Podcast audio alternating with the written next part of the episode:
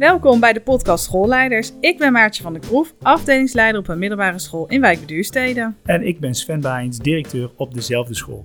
In deze podcastserie gaan wij in gesprek met een aantal verschillende schoolleiders. En wij stellen hen comfortabele en gewaagde vragen over de functie van schoolleider en willen hiermee een inspirerend inkijkje geven in deze baan. Per aflevering zoomen we met onze gast in op een specifiek onderwerp. En dat kan kansenongelijkheid zijn of leiding geven aan tweetalig onderwijs en ook heel andere dingen. We bevragen de schoolleiders over de thema's waar zij zich in vastbijten en waar hun verhaal over gaat. Nou, daar gaan we dan. Onze eigen podcast over ons werk. Maatje, waar hebben we onszelf ingestort?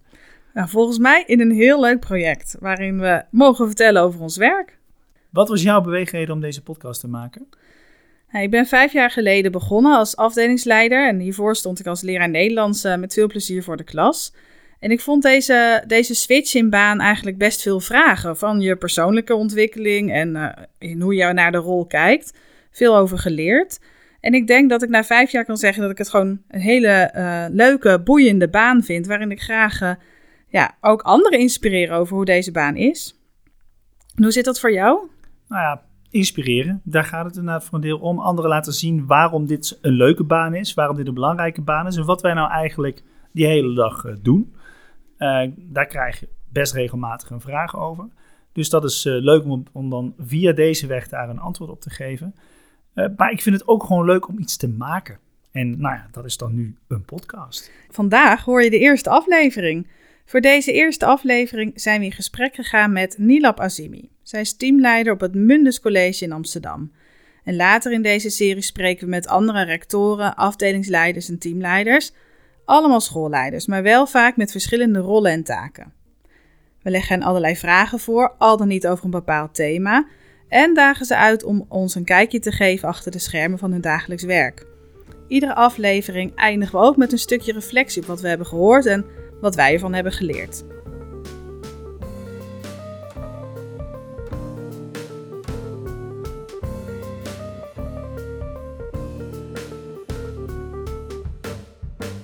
Daar staan we in Amsterdam West. Wat zien we? Hoge flat. Een aan hoge. de linkerkant. Ja?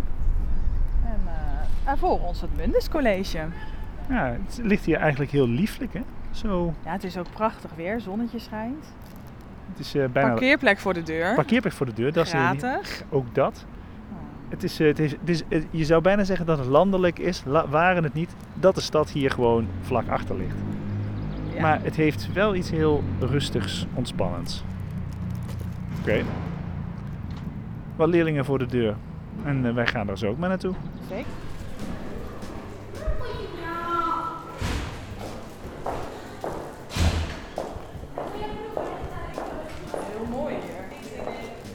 Staat al, ze staat al klaar. Goedemorgen.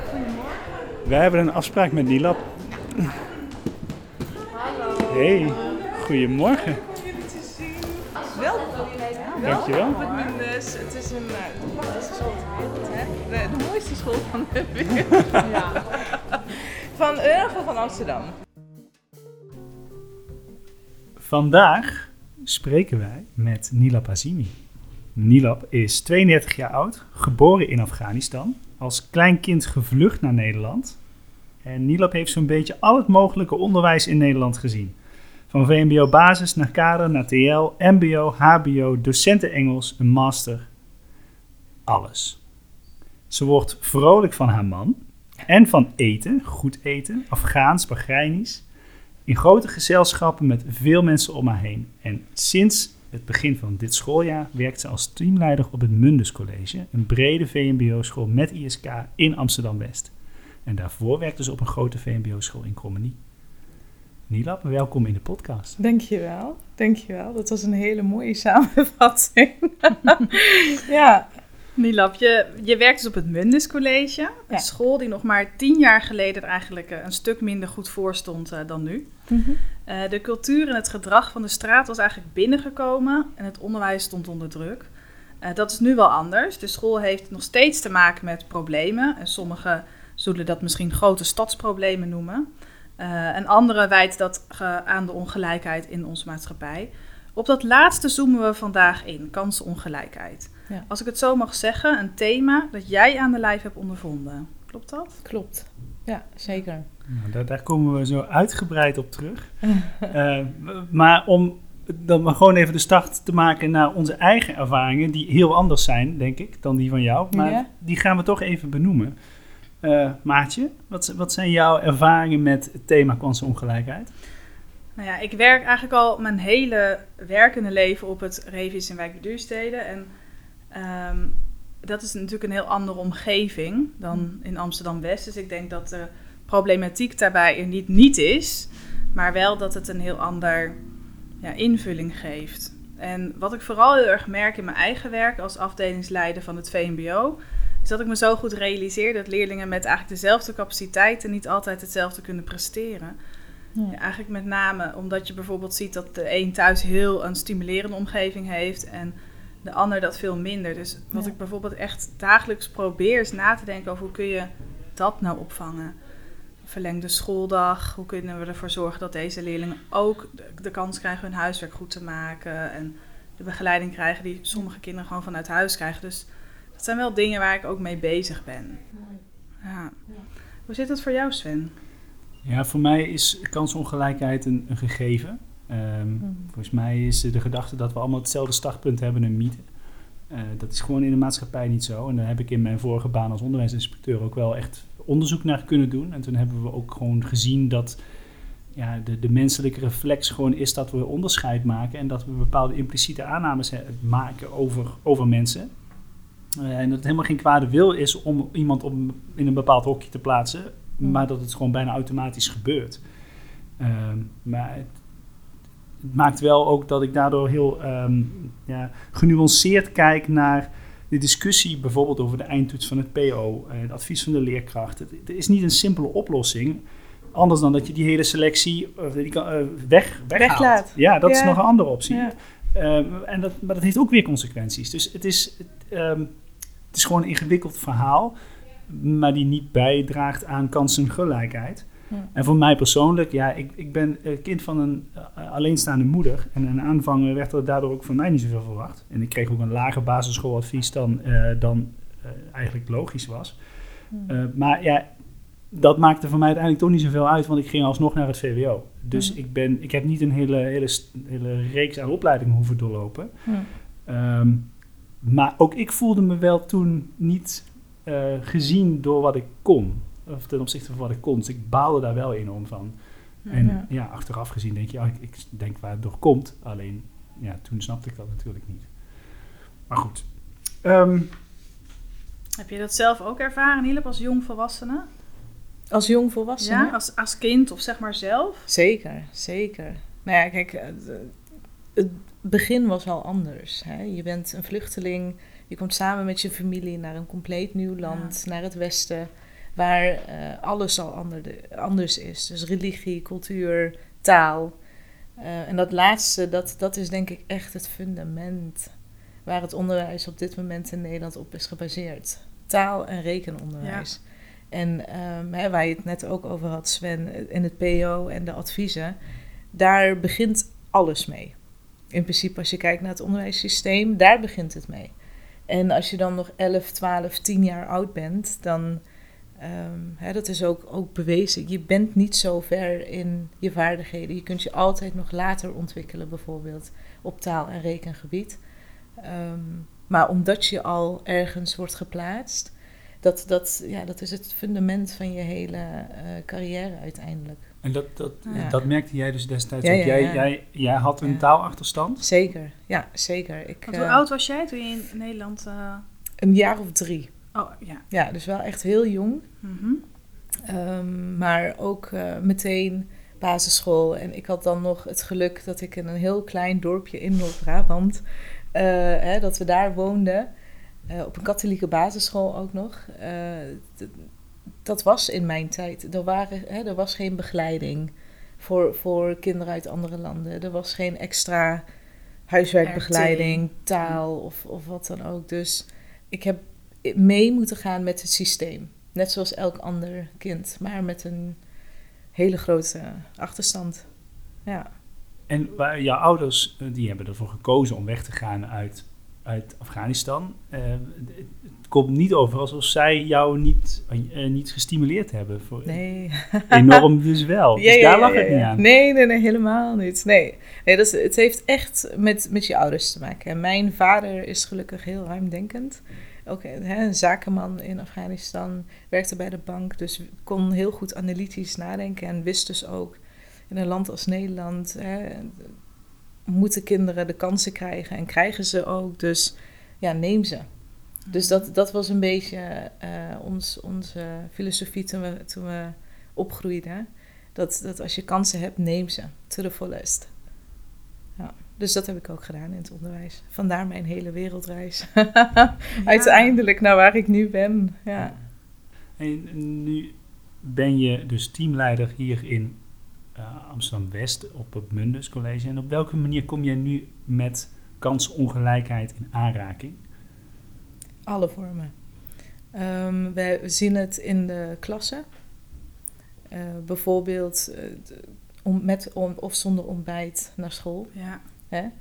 Eh, we hebben gezien dat dat echt bij een aantal kinderen die op een gegeven moment in de grote pauze rond 12 uur, dat we ze zagen zonder eten en dat we hè, als, als docenten daar naartoe gaan en dat ze zeggen ja, we hebben niks. En eh, dat, dat zie je Ja. aan het gezicht van een kind. Ze hebben thuis gewoon niet Nee. voldoende Nee, niet eten allemaal. in huis om mee te geven. Nee. Nee, het, bij een enkeling is het daar, hè, daardoor dat het er niet is. En bij, bij anderen is het, het zit niet in het, in het stramien van opvoeding. Ja, Dus- ze dus ze weten eigenlijk gewoon niet dat het nodig is om een kind iets te eten Ja. mee te geven naar, naar Precies. school. Ja. Precies dat. Hè? En eh, nou goed, uit mijn tijd weet ik nog, wij mochten niet weg naar school eh, zonder een, glas, een glaasje melk en een boterham. Dat was standaard. Ehm, maar dat, dat is nu, zoals wij dat hier merken, is dat niet bij iedereen het geval.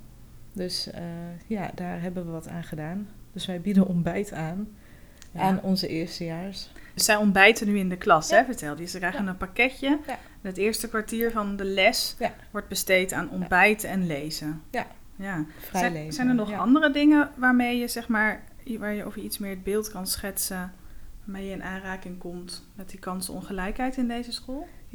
Je ziet al meteen als het gaat over gelijke kansen bieden, dat niet iedereen hem ook kan pakken.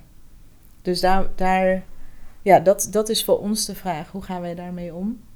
Ehm, nou, we hebben daar wel al hele grote visies over. Hè? Ehm, maar we zien het elke dag. Het zit echt op die beweging om Ja. de, kan- de gelijkheid in kansen aan te bieden. Ja. Eh, maar vooral erbij te helpen dat ze het ook kunnen pakken. Dus het, de pakbeweging, zeg maar, Precies. stimuleren. Ja, precies. Precies, Ja. de, eh, om dan toch even terug te komen op dat ontbijt. Eh, je kunt hier een hele dag heel goed eh, onderwijs geven, maar als de kinderen eigenlijk geen energie hebben, dan eh, heeft het geen enkele zin. Dan nemen Ja. ze toch niks op. Dus moet je zorgen in de basis dat ze op zijn minst iets te eten Ja. hebben. En de basis, dat leggen we dus ook in ons onderwijs. Hè, op, de- op alle afdelingen, zowel bij ISK als praktijk als VMBO. Het, we geven naast onze lessen, zoals hè, binnen de examenkaders, spenderen we heel veel aandacht aan taal. Dus, dus elk les heeft niet alleen een lesdoel, maar ook een taaldoel. Ja. Hè, woorden worden echt op het bord Ja. geschreven. Ja. En, en van kinderen gevraagd om dat in hun woordenschriftje te schrijven, die ze dan gedurende de jaren hier met zich meekrijgen. Ehm, en dus daar gaan we heel bewust mee om. En wat betekent dat nou voor jou in je dagelijks leven als schoolleider? Eh, heel leuk, uitdagend en elke dag is anders. het is, eh, je, weet, ja, je maakt elke dag andere dingen mee. Eh, en als schoolleider, ehm, nou, ik heb dan een massaal team. Ik heb 50 docenten Zo? in mijn team. Dus dat is al vrij groot. Ja. Dat mag je zeggen. ja. Ja. Die, die spreek jij niet allemaal individueel. Niet elke dag, nee. Nee. Nee. Maar dat doe ik wel structureel met bijvoorbeeld startgesprekken en eindgesprekken. 50 mensen voer 50. jij een gesprek, startgesprek mee en een eindgesprek. Ja. Ja. Dat eh, vind ik imposant. Ik Ja. ook. Sterker nog, ik ben er deze week en volgende week mee bezig. Ja. Ja, En dan ook de verslaglegging er nog van Ook. en de afspraken die eruit Ook. volgen. ja, de verloven, de ambities, de wensen voor studies, de, eh, hè, alles. alles En, wat is het, en wat is hetgeen waar je het meeste aandacht en tijd in moet steken dan richting jouw mensen? Hoe ze zich voelen. Echt dat stukje persoonlijke aandacht. Daarvoor moet ik heel veel rondlopen. Ja. Eh, het is een grote school. Ik heb 50 collega's overal rondlopen in het gebouw. Dus ik probeer zoveel mogelijk fysiek aanwezig te zijn. Ehm, ik ben hier net acht maanden, dus, dus in het begin heb ik voornamelijk alleen maar rondgelopen. En het leuke is, ik heb altijd hakken, dus eh, mensen, horen je aankomen. mensen horen me aankomen. Dus dat is nu ook een beetje het punt geworden. Hè? Dat, eh, en ik kreeg laatst, zei iemand ook, ja, we missen het ook. We weten het als je er niet bent. Ik zei, ja, dat, dat is de de bedoeling. hakken niet. Ja. Ja. Ja, ja. Nee, dus echt fysiek aanwezig zijn, persoonlijke aandacht. Ehm, en, en dat heeft ook te maken met mijn visie van goed onderwijs. Goed onderwijs staat en valt met een goede docent. In meervoud, goede docenten. Ja. Ehm, en als je goede docenten heb, eh, nodig hebt, dan moet je ook aandacht geven. En, en dat betekent langsgaan wanneer ze net twee dagen ziek zijn geweest. Of, hè, of toch nog bellen. Ja. Dus het, hè, van, goh, hoe voel je je vandaag? Hè? En Mhm. ehm, ehm, ja, goed, met 50 man maak je ook van alles mee. Want Maar het, het, het- het is misschien ook nog wel specifiek voor deze school dat, deze, dat, dat je op een andere manier aandacht aan deze mensen moet schenken. Of maak ik het Ja. nu te ingewikkeld? Nee, helemaal niet. Ik heb dat ook gemerkt. Dat, dat ehm, kijk, we werken natuurlijk met een ongelooflijk eh, ehm, betrokken doelgroep. Die zelf al heel veel aandacht nodig hebben. En dat vergt dus ook heel wat energie van onze docenten.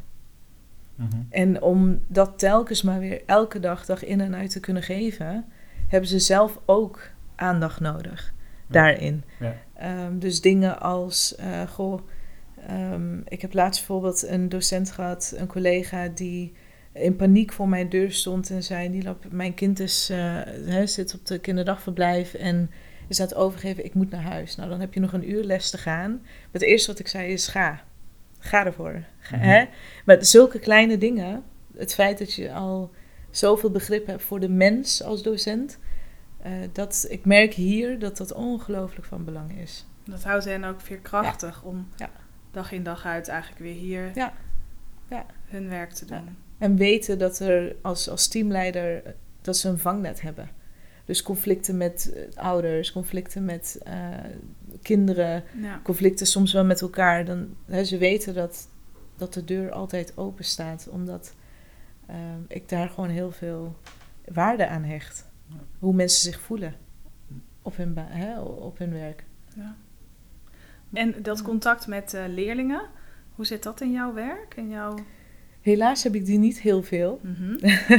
Dat Je zit hier wel midden op de gang. Ik zit Ja. midden op de gang. Heb ik expres, ja, Ja. echt expres. Ehm, want ik zou eigenlijk een verdieping hoger zitten met, met andere eh afdeling leerlingen. Toen zei ik, nou ja, VMBO, kom, we gaan naar beneden. Ehm, dus, dus ik zit midden op de gang. Ik hoor alles. Ik hoor les, eh, hoe mijn collega's lesgeven. Want het is hier ook een beetje open door policy. Dus dat les wordt gegeven met deuren open. Ja. Uh, we hebben geen bel, geen schoolbel. Dus uh, of, hè, dat was voor mij in het begin heel nieuw, omdat ik altijd een schoolbel was gewend. Uh, maar nu zie ik, zie ik kinderen altijd lopen en deuren staan altijd open. En ik, ik, ja, ik weet precies wat er gebeurt, zonder dat ik... En je voelt de energie, zeg maar. Ja, ja, ja, heel erg. Heel maar erg. in je dagelijks werk heb je Ja. dus zeg maar de leerlingzaken. Die Ja. komen alleen bij je als het... ehm, als een collega daarbij jou nodig heeft. Ja, als het escaleert. Ja. We hebben ook een, eh, we hebben een aantal collega's die hebben essentiële, die, die essentiële rollen hebben, Ja. zoals bijvoorbeeld schoolcoaches. Precies, dus die worden ook ingeschakeld. In Die worden eerst ingeschakeld. We hebben een coördinator schoolcultuur en veiligheid. Dus in principe worden conflicten, vechtpartijen enzovoort altijd eerst door hè, onze collega eh, behandeld. Ehm, mochten daar ouders bij betrokken worden of mocht dat toch nog verder gaan, dan eh, komen wij aan zet. Oh, Hoe kunnen jullie nou echt de, de goede mensen vinden die ook hier op deze school die missie ondersteunen en daar ook precies het juiste in kunnen doen? Ja. Hoe, hoe werkt dat? Lukt dat? Eh, ja. ja, op dit moment voor mij wel. Fijn. ja, ja, ja. ja, en eh, het is ook de werving, hè, en hoe je dat dan precies aanpakt.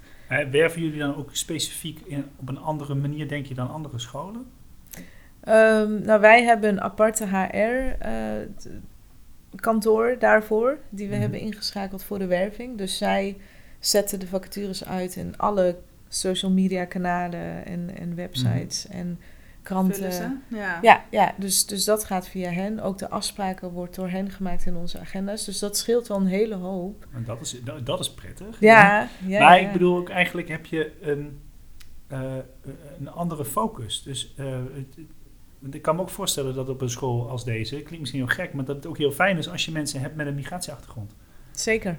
Dus dat je daarom Ja. ook, maar dan moet je misschien wel, Ja. ik weet dat dat in andere sectoren waar men best wel graag een, een meer divers eh, personeelsbestand wil hebben, het Ja. heel moeilijk is om dat voor elkaar te krijgen, omdat Ja. men gewoon de mensen niet kan bereiken. Ja, ja. En hier is denk ik het voordeel, we hebben ze al.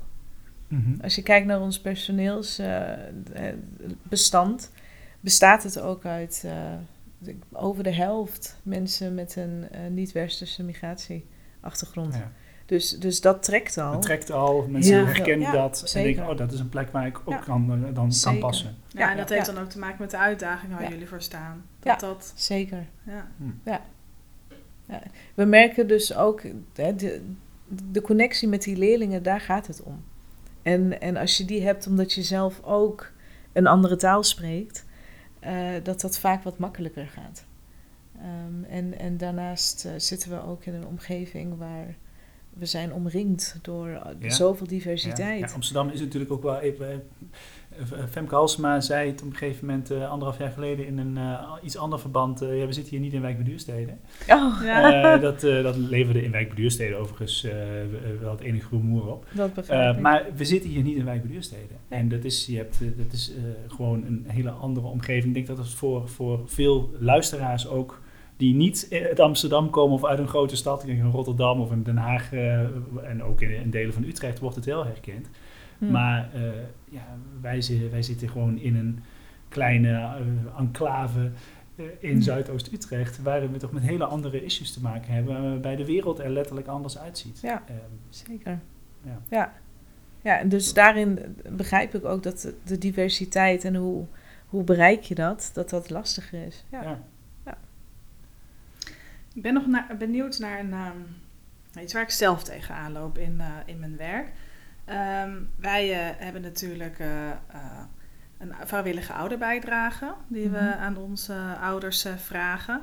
En daar organiseren we van alles van. Zo ook bijvoorbeeld uitjes. Ehm, ja, je kunt aan allerlei denk- dingen denken. Bijvoorbeeld een uitstapje naar het Archeon met de Ja. brugklas of zo. En wat ik eigenlijk merk is dat er toch steeds meer ouders zijn die vrijwillige ouderbijdrage niet, niet kunnen betalen. En dus ook Mm. niet betalen. Ja. En ehm, ja, daar loop ik wel tegenaan. Want je wil aan de ene kant die uitjes wel door laten gaan. Ja. En je, wil ook niet, je kan niet uitsluiten, dus iedereen gaat mee. Ja. Eh, maar als je daar te weinig binnen, ja, zeg maar inkomsten voor krijgt, dan ergens houdt het op. Dan kun je als school het ook niet meer bieden.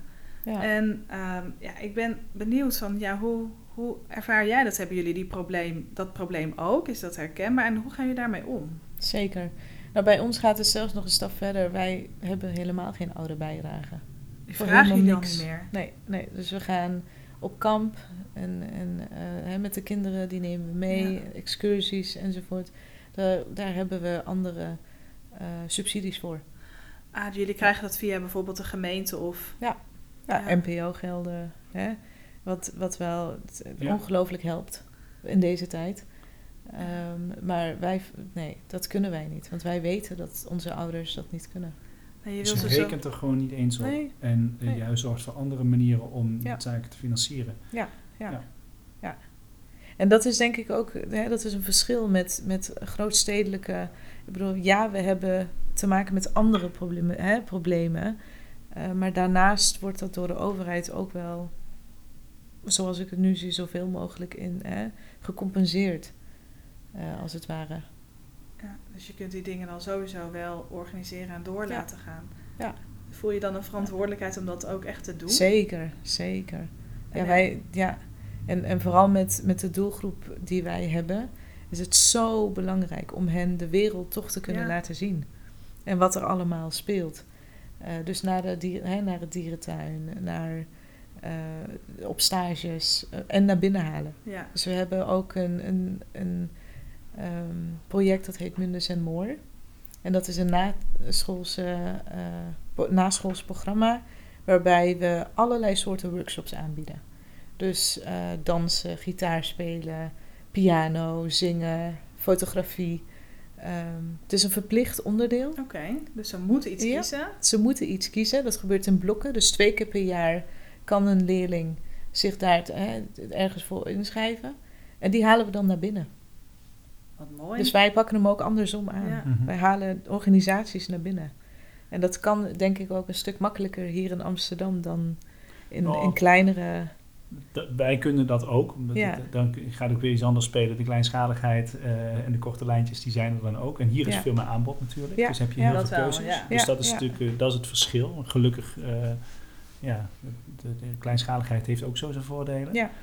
Ehm, maar het is wel mooi inderdaad dat je op die manier de verrijking eh, in de school inbrengt. Ja. ja. Hoe vinden leerlingen die Ja. dingen? Ja, dus geweldig. neem ik aan na hun schooltijd. Eh, ja, elke Ja. dinsdag en donderdag Mhm. in de middag. Ehm, ja, geweldig. Heel, heel fijn. En, eh, wij hè, als school, onze visie spreekt dat ook uit. Ehm, en, en de schoolnaam overigens ook, Mundus, hè, wereldburger. Wij vinden het zo belangrijk dat kinderen weten wie zij zijn. En, en hoe zij naar de wereld kijken, hoe ze daarmee om kunnen gaan. Ja. Dus we geven bijvoorbeeld ook het vak eh, PNS, personalisatie en socialisatie.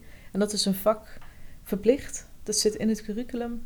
Ehm, en daarin reflecteren we dus op de Minus en More activiteiten. Dus leerlingen die dan bijvoorbeeld voor het eerst in hun leven hebben gedanst. Hè, dat wordt gereflecteerd daar. Ja. En bij onze talentontwikkelinglessen. Die hebben we ook. Dat is ook een verplicht onderdeel. Dus we- zo proberen we alle verschillende aspecten met elkaar Te verbinden. eh, te verbinden. en dat Ja. vak PNS, Ja. dat wordt door, de, door alle vier de leerjaren gegeven? Of bijvoorbeeld alleen in de eerste? Op dit moment in de onderbouw en leerjaar 3 voornamelijk. Een collega van ons heeft het vak geschreven, Maxe de Rijk. Die heeft er ook een boek over geschreven. Ehm, en dat, dat, dat gaat, als het goed is, binnenkort ook verder ingezet worden en, en uitgegeven worden. Dus, eh, Misschien ook inspirerend voor, eh voor ja, het is andere voor anderen. scholen. Ja, het is echt, eh, we krijgen ook heel veel, heel veel vraag Ja. daarnaar. De Ja, burgerschap is sowieso een belangrijk thema Ja. nu natuurlijk. En Ja. daar heeft het veel mee te maken. zeker. En dan Ja. vooral toegespitst op wat hier Ja, bij jullie visie past en bij de doelgroep past. zeker. Super mooi klinkt dat. Ja, dat is het ook. Het is heel hartverwarmend. Ja, zo, zo, zo, zo spreek je er ook over. Met, Ah. Je geeft er een, een, het een beeld dat het heel erg een samen voor, voor deze leerling met een heel gemeenschappelijke aanpak. Ja. Zo komt het over in ieder geval. En dat, dat, eh, ja, dat, dat eh, klinkt bijna als een warm bad. Ja, het klinkt ook wel als zeg maar hoofd, hart en handen combineren. En niet alleen maar eh, praten en, en, en Ja, denken, maar Nee, ook doen. niet. Nee, echt acties. Ja. Super. Nilab, we gaan, eh, we gaan even een heel andere kant op. We hebben het nu al heel erg, we hebben het heel erg over kansenongelijkheid en kansengelijkheid gehad. Maar we gaan het even, Mhm. even wat praktischer maken en specifiek over jouw werk. En hoe jij, wat, hoe jij dingen je doet. Mhm. Dan beginnen we heel eh, simpel. Hoeveel eh, kopjes koffie of thee drink jij op een dag? Twee kopjes thee. Twee. Twee. Dat is heel, heel, heel, eh, vind ik heel ik drink meer water. Oh, je drinkt gewoon water. Ja, Zo'n mooie dopper. eh, Ja, met de eh, mindestopper. Mundus erop. Ja. ja, ja. Die neem ik overal mee. Dus Met naast me. de hakken. Ja, herkenbaar. Met de hakken. En mijn oranje dopper. en mijn hakken, ja. En heb jij een werktelefoon? Ja. En heb- dus Ja. een aparte van Aparte. je... Aparte. Ja. Dat Staat hij wel eens uit? Ja. Eigenlijk altijd. Hij staat altijd op stil. Eh, omdat ik op mijn werk in heel veel overleggen en rondlopen. Dus dan wil ik het ook niet horen. Ehm, en thuis zet ik hem, leg ik hem ergens op een, op een kamer. ergens op een kast. Eh, en kijk ik er ook niet meer naar. Dat hoeft dus ook niet. Nee, nee, nee, nee. Nee. Ze hebben je niet nodig. Nee, nee. Ze hebben mij... Nee, dat denk ik niet. Nee hoor. Nee. Ja, dat is, dat is een hele mooie. Ik, bedoel, ik kijk ook even naar rechts Ja. naar Maatje, die daar af en toe over klaagt over hoeveel, eh, Ja, klopt. hoeveel Ja. berichten zij nog buiten schooltijd krijgt van, eh, van Ah, mensen. Ja. ja. Ja, ja, ik worstel daar wel eens mee. Ja. Met het gevoel dat je altijd aanstaat. Dat het gevoel Ja. dat je altijd bereikbaar bent. En ik heb één telefoonnummer. Dus ja. ja, ik merk dan wel dat ik om tien uur nog geappt word door collega's die Ja. een probleem voorleggen. Of ja, Ja. Dat, dat vind ik wel eens lastig. Ook omdat daardoor je niet helemaal ja, even kan ontspannen ook in je Mm. privé-tijd. Dat begrijp ik. Kijk, in principe heb ik, heb ik dat ook. En, en ehm, nou ja, het is een beetje, denk ik, verwachtingen naar elkaar toe. In het begin, toen ik hier kwam werken, was ik heel helder in één ding. En dat is, ik gebruik nooit mijn werktelefoon als ik het gebouw uitloop. Eh, maar je kunt me altijd bereiken door me te bellen bij dringende zaken. Ja. Dus als die afgaat, dan weet ik dat het heel belangrijk is. Ja. Dat is een mooi onderscheid dat je dan Ja. maakt. Ja. Ja, het is natuurlijk aan de ene kant wil je heel, be- heel benaderbaar zijn voor iedereen. Het Mhm. gevoel geven dat je altijd bij me terecht kan voor elke Ja. ehm, ja, emotie of ervaring. ja. En toch is het ook lastig als je om tien uur vragen krijgt die niet super urgent zijn en, en best kunnen wachten tot de volgende dag. Oké. En eh, ga je dan met collega's in gesprek?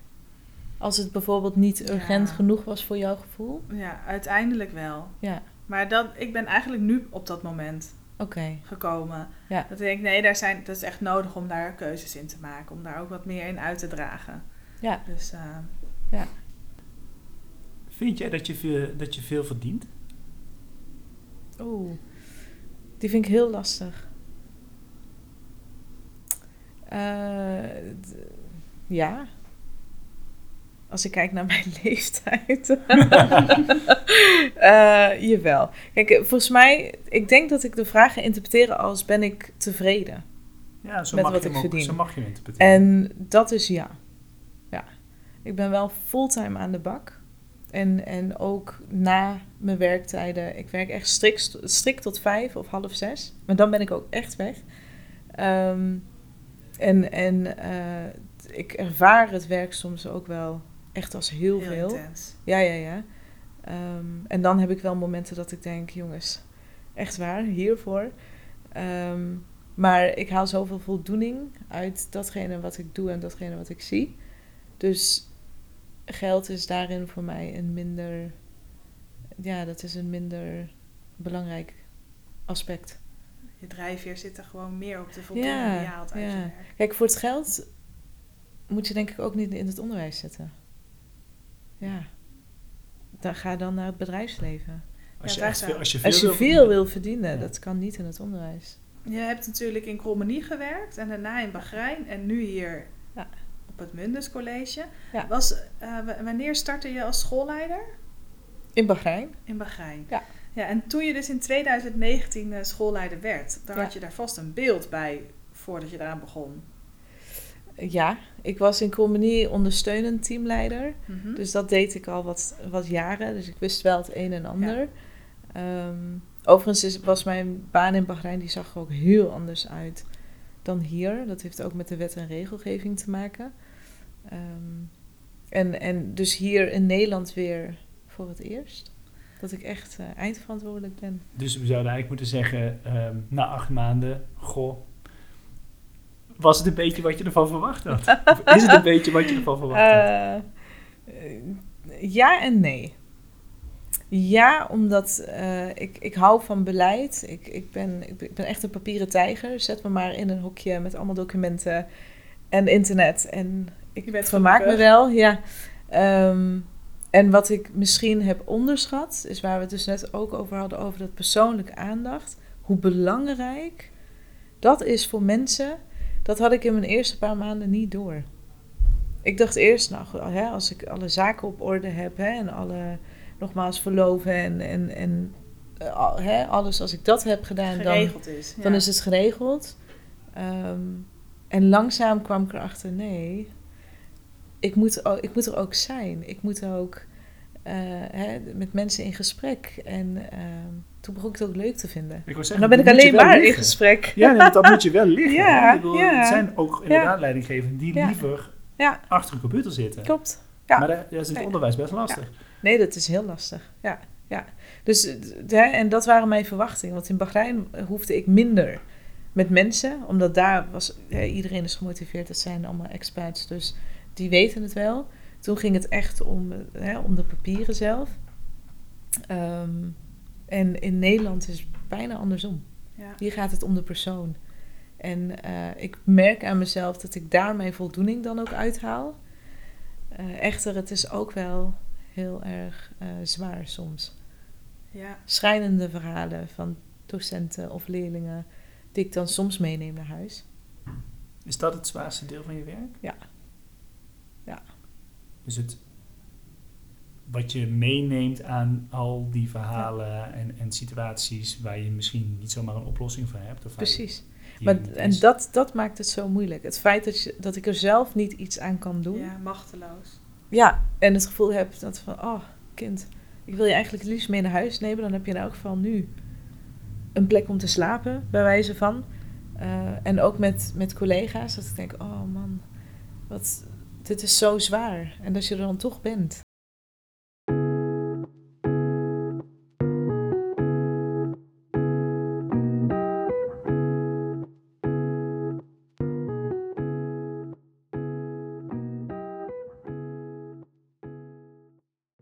Kun je iets vertellen over wat je nou, denk je, het leukst vindt in een schooljaar? Wat, wat natuurlijk altijd zijn, vaste momenten heeft. De blije gezichten van kinderen als ze een les uitlopen. Oh, dat is gewoon dagelijks. dagelijks, ja. Oh, beter nog. Ja, dat is, hè, nogmaals, ik, ik, zit, ik zit er middenin. En als zij lachend een les uitlopen en je hoort, en kinderen kunnen ook al heel... Ja, zo. precies. altijd Dan word ik gelukkig. Want dan denk ik, ja, dat was een goede les. Dat, dat, eh, hè, daar ga ik dan van uit. Ja. Natuurlijk bezoek ik ook lessen en zie ik het ook wel eens anders. Ehm, maar, maar als ik blije kinderen zie, dan denk ik, we doen het goed. Ehm, we hebben het nu al een hele tijd over kansenongelijkheid gehad. Ehm, je hebt eh, op verschillende plekken gewerkt. Eh, ook in Krommenie had je daarmee te maken. Eh, dat was ook gewoon een grote VMBO-school in een wat meer landelijk gebied... waar, waar ook heel veel verschillende mensen met, met, met verschillende achtergronden bij elkaar kwamen. Ehm, en hier eh, heb je daarmee te maken.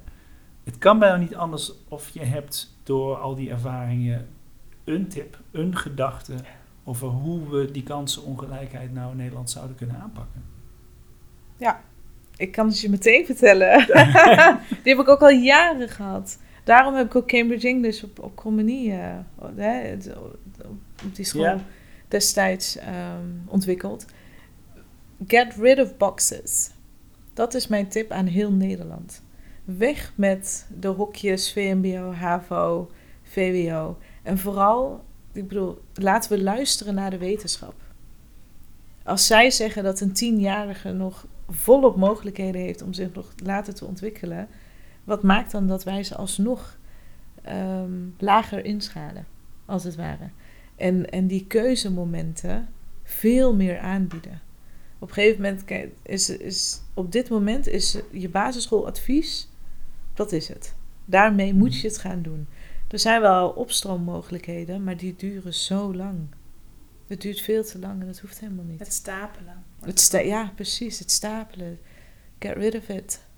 Dat hoeft helemaal niet. Laten we naar onze buurlanden kijken. Het is een soort brede brugklas. Alles, alles is breed. Ook, Ja. ook later in je senior years. Eh, apprenticeships, hè, stages. Laten we die, laten we het, het werk integreren in ons onderwijs. Waarom denk jij, want dit is natuurlijk dit is een hele oude discussie in Nederland eh, eigenlijk, want dat we, dat we hier onze bedenkingen bij hebben, dat is al eh, uit de jaren zeventig of daarvoor al speelt dat. Ja. Ehm, maar waarom denk je dat wij daar hier zo aan vastzitten? Heb je, heb je daar een... Geen idee, Sven. als ik het vergelijk met, eh met Bahrein, als ik het vergelijk met Zwitserland. Als, hè, en, en ik heb vooral heel veel Engels, eh, Engelse studies ook gedaan. Dus ehm, ik, denk dat het een, ik denk dat het cultuur is.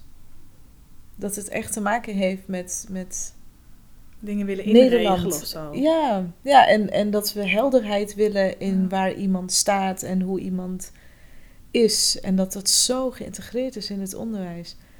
Terwijl daarnaast vragen we ook naar meer inclusie en diversiteit en kansmogelijkheden. Hè? En, en eh, waar we het net ook over hadden, kansen pakken.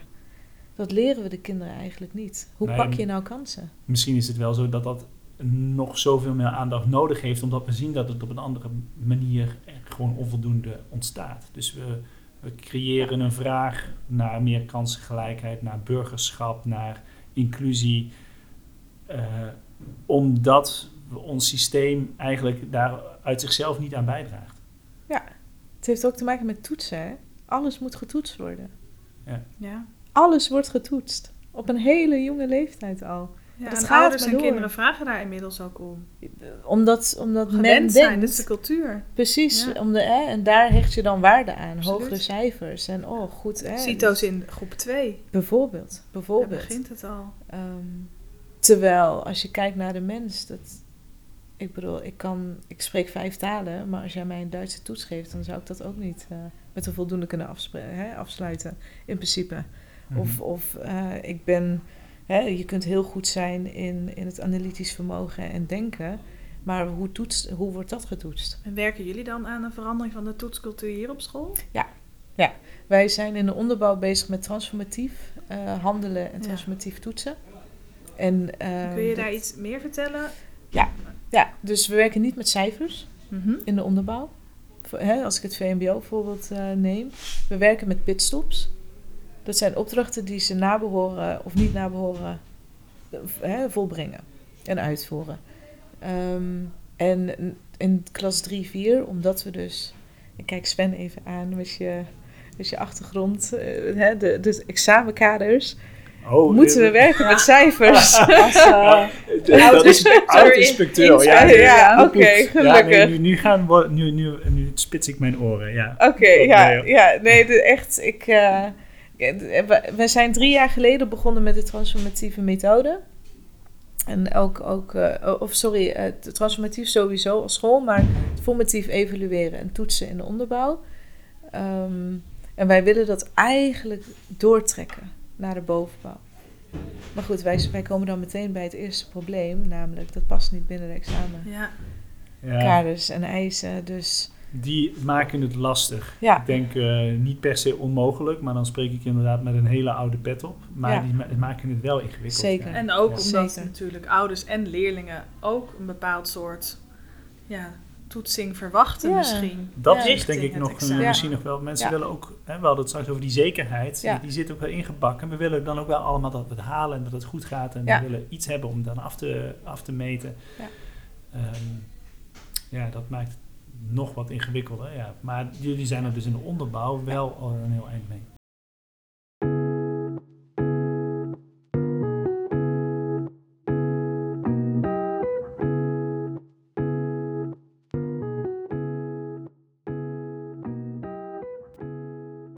Ben jij een goede schoolleider? ik hoop het. Eh, wat is een goede schoolleider? Wat vind jij een goede schoolleider? Dat is ook een hele goede vraag. Ehm, ja, wat vind ik een goede schoolleider? Een schoolleider die eh, kennis heeft van eh, regel, wet en regelgeving. Dat, dat moet. Je moet weten waar je het over hebt. Ehm, en een schoolleider die, ja, hoe zal ik dat het beste zeggen? Werkt met zijn hart. Voelsprieten heeft Ja. voor, voor de ander.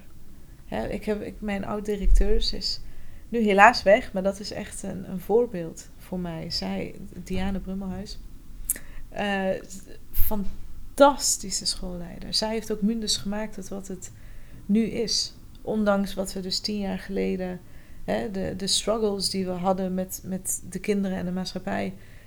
Zij vertelde me ook in het begin toen ik hier kwam, Nilab, ik heb voelsprieten. dus ik, ik merk het meteen. En dat was ook echt zo.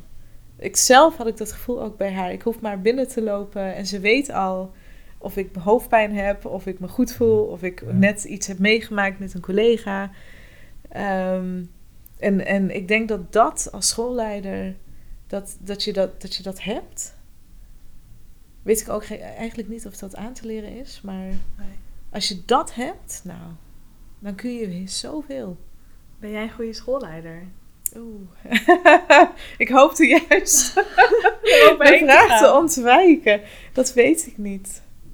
Ik denk, ik heb wel. ehm, het gaat mij om de ander en, en het gevoel van de ander. Daar hecht ik heel veel waarde aan. Dus daarin maak ik ook mijn beslissingen. Hè? En, of neem ik ook ehm, risico's. Eh, ik denk dat ik goed op weg ben. Op dit moment ben ik het denk ik niet helemaal, maar ik ben wel op weg. Oké.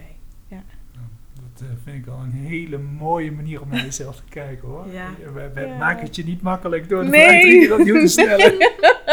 Nee, en ik dacht eerst, eh, ik ga hem lekker eh, anders. Ja. ja, ja. Nee, ik, eh, ik ben op weg. En waar droom Ja. jij van? Oh. Eh, ik droom van een vrije school. Waar we elk kind dat, dat daar kan komen, waar we, het, waar we kansen kunnen bieden tot van VMBO, praktijkonderwijs tot gymnasiumniveau. Eigenlijk niet eens die niveaus, maar het beste uit die kinderen halen. Daar droom ik van. Ik weet niet hoe ik het ga bereiken op dit moment. Nee, dat is misschien ook niet zo simpel om, om te bereiken. Maar tegelijkertijd met bepaalde zaken die je hier nu inzet, als ik jou goed begrijp, ben je wel weg. Zo zie ik dat ook. Ja. En soms dan denk ik ook, man, wat hebben we nog een lange weg te gaan. Word je er moedeloos van? Dan word je er helemaal moedeloos van. Het zuigt energie ook, hè, op een gegeven moment. Ehm, maar dan denk ik, ja, maar kijk dan naar die gelukkige kinderen. En daar doe je het voor. En daar doe je het voor. Ja. En, en ehm, goed, zelf, hè, ik heb een moeder die, die, die nooit naar school is. Ja, ze is naar school geweest op de basisschool in Afghanistan, dat was het. Ik heb een vader die precies tegenovergestelde is, dus die, is, hè, die heeft wel onderwijs gehad. Ehm, en ik zie het verschil bij beide ook. En als kind, met het opgroeien, hebben wij, en, en mijn zussen ook, altijd... Onze 10 minuten gesprekken was altijd samen. Was nooit met alleen ouders, was altijd samen. Eh, en waar ik zo trots op ben, is dat wij hen hebben kunnen onderwijzen. Hm.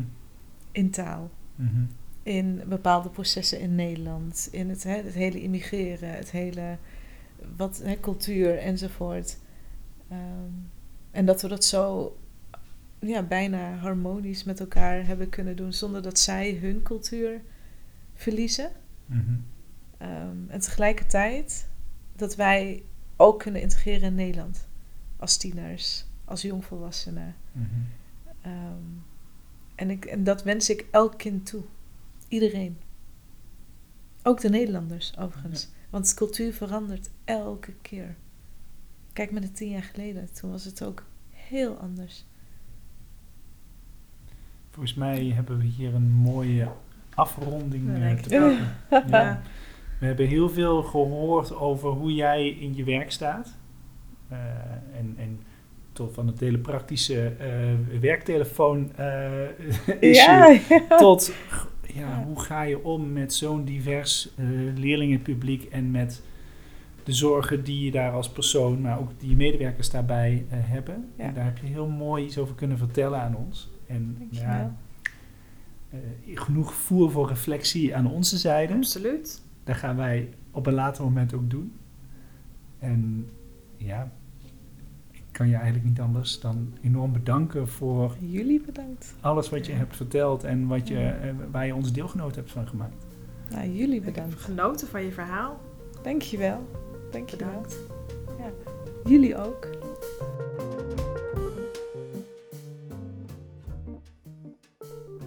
Nou, dit was Nilab.